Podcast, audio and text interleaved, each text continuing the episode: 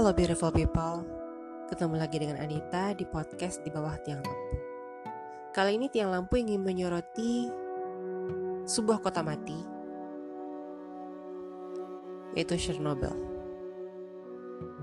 Chernobyl menjadi kota mati dikarenakan efek radioaktif dari kebocoran reaktor nomor 4 tahun 1986 yang tidak pernah selesai. Chernobyl berlokasi di Pripyat, Ukraina, dulu Uni Soviet.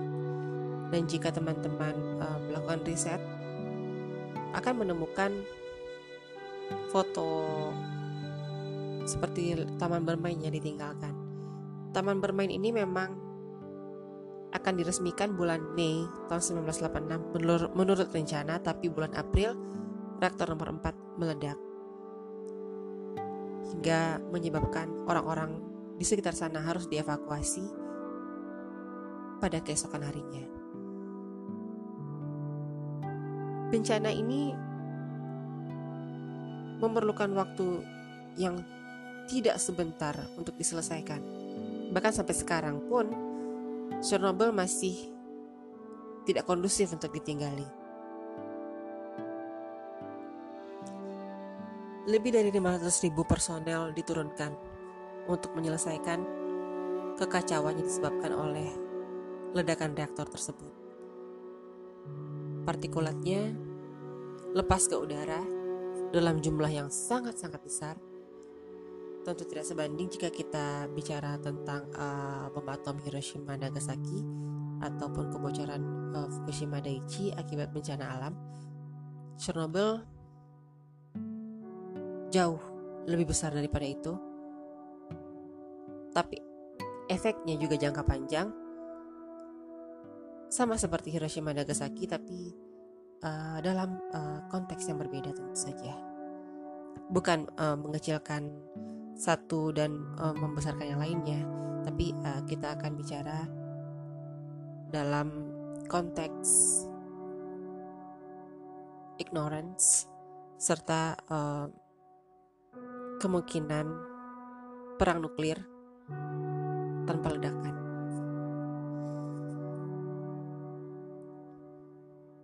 Pernah tidak teman-teman membayangkan jika sebuah partikel radioaktif tersusupi atau disusupkan pada benda-benda yang kita pakai selama ini. Kemudian secara tidak langsung kita terpapar radioaktif, kemudian menjadi sakit, kemudian uh, meninggal secara perlahan-lahan tanpa kita sadari barang-barang itu ada di sekitar kita misalnya saja maka dengan, dengan demikian kemungkinan genosida bisa jauh lebih besar tanpa harus menimbulkan keributan yang berarti. Bayangkan jika ada partikel radioaktif di gantungan kunci, dalam pendulum, dalam perhiasan, dalam perabotan, dalam benda-benda yang kita pakai sehari-hari yang menimbulkan efek jangka panjang yang buruk terhadap kesehatan. Maka tidak perlu waktu yang cukup lama kita terpapar, kemudian mengalami mutasi genetik, kemudian mengalami hal-hal yang paling tidak diinginkan, semisal kanker atau mutasi gen lainnya.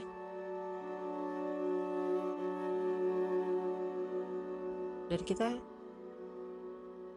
yang terburuk dari itu semua adalah kita tidak peduli kita tidak pernah mempedulikan sebabnya, sumbernya, karena kita terlalu sibuk memikirkan hal lain.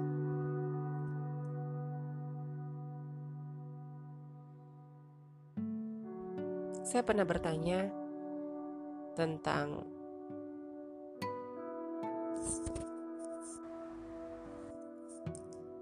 tentang sejauh mana kepedulian kita tentang terhadap perang diam-diam yang kemungkinan besar bisa menyelesaikan seluruh peradaban hingga ke titik akhir.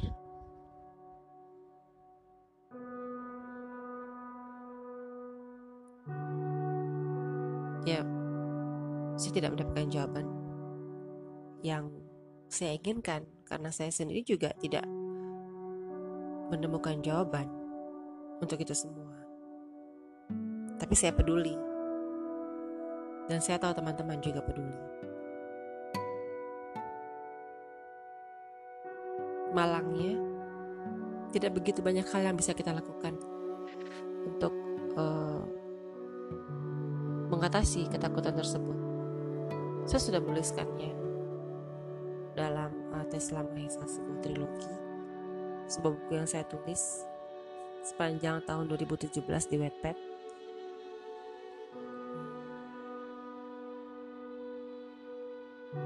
Sebuah komentar di sana justru uh,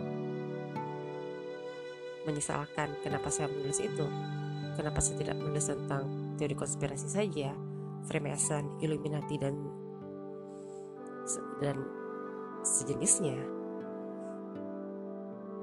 menunjukkan betapa tidak pedulinya kita tentang tentang akhir dari peradaban. Konspirasi, apakah hanya itu? Saya rasa tidak. Bicara soal konspirasi, akan bicara lebih jauh lagi, karena satu pertanyaan saya menghambat semuanya. Jika orang-orang ini begitu berkuasa, pasti mereka juga menguasai internet. Dan jika mereka begitu berkuasa, kenapa mereka tidak melakukan tindakan saat agenda-agenda mereka dalam tanda kutip beredar di internet dalam artikel-artikel yang seharusnya mereka tahan? Apa yang, seben apa yang sebenarnya terjadi? Kenapa tidak ada tindakan? Kemudian teori berakhir menjadi teori. Tidak pernah berubah jadi fakta karena tidak pernah mendapatkan validasi. Kemudian kembali ke Chernobyl. Reaktor nomor 4 dan seluruh kompleks Chernobyl itu telah ditutup uh, di beton di bagian yang disinyalir akan rentan dengan kebocoran. Cuma masalahnya uh, kita tidak pernah tahu dengan bagaimana habitat di sana. Apakah terjadi perubahan perilaku terhadap uh, hewan? Apakah terjadi uh, perubahan uh, struktur genetik terhadap biota-biota yang ada di sana? butuh penelitian lebih lanjut, tapi tidak ada orang yang berani datang ke Chernobyl karena sampai sekarang radiasinya masih diragukan keamanannya. Meskipun uh, beberapa kawasan di sana sudah dibuka untuk pariwisata, pariwisata bencana kalau menurut saya.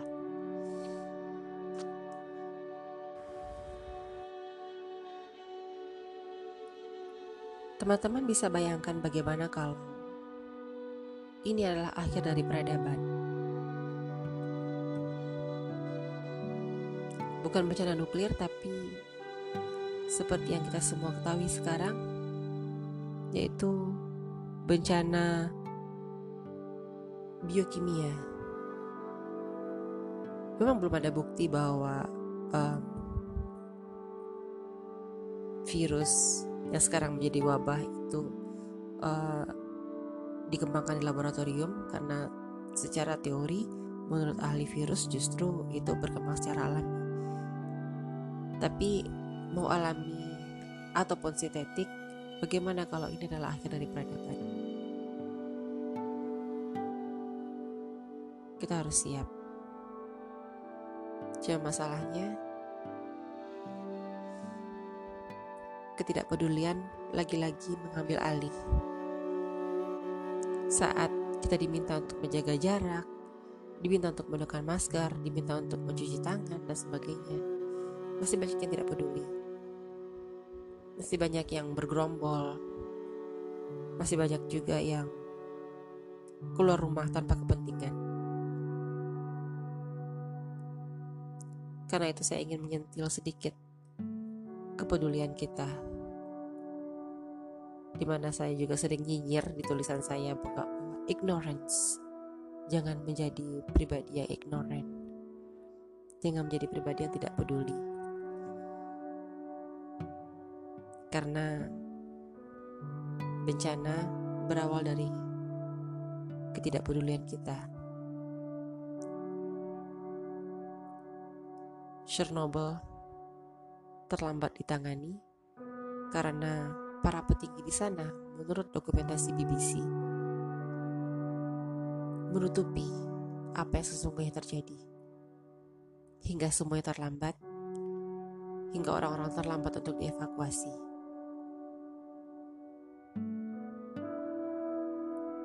Mereka masih menyangkal bahwa ada kebocoran, mereka masih menyangkal bahwa ada human error, hingga melihat sendiri bencana itu di depan mata.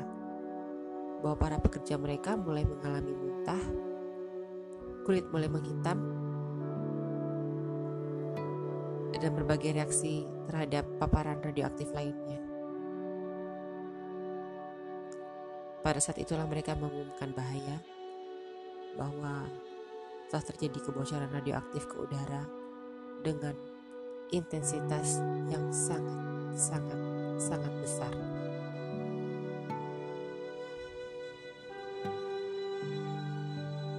Saya hanya berharap semoga ini tidak terjadi lagi di masa yang akan datang. Kalaupun terjadi, seperti yang kita alami sekarang, ada wabah. Saya berharap kita tidak menjadi pribadi yang tidak peduli, tidak menjadi anggota yang ada di barisan ignorance. Setidaknya teman-teman saya, para beautiful people, tidak seperti itu. Mungkin saya bicara terlalu ngambang, terlalu melebar, terlalu tidak jelas malam ini. Tapi saya ingin meminta sedikit kepedulian bahwa yang terjadi ini adalah hal serius. Bahwa kita tidak boleh mengabaikan apa pun tidak ada hal yang benar-benar remeh di dunia ini. Jika kita menganggapnya remeh, orang lain belum tentu. Karena itu, jangan pernah menjadi tidak peduli. Sekecil apa pun masalah di depan mata. Jika tidak ditangani, dia akan melebar nantinya. Dan tiba-tiba saja peradaban kita tumbang tanpa disadari. Tiba-tiba saja peradaban kita tercuri.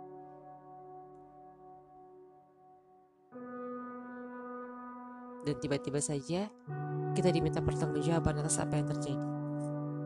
Siapkah kita untuk itu? Setidaknya kita memilih satu sisi, yaitu peduli. Itu saja teman-teman untuk saat ini. Maaf jika saya terlalu banyak bicara. Jika tidak berkenan, matikan saja. Jika masih berkenan, kita ketemu lagi minggu depan. So I'll see you around. Beautiful people.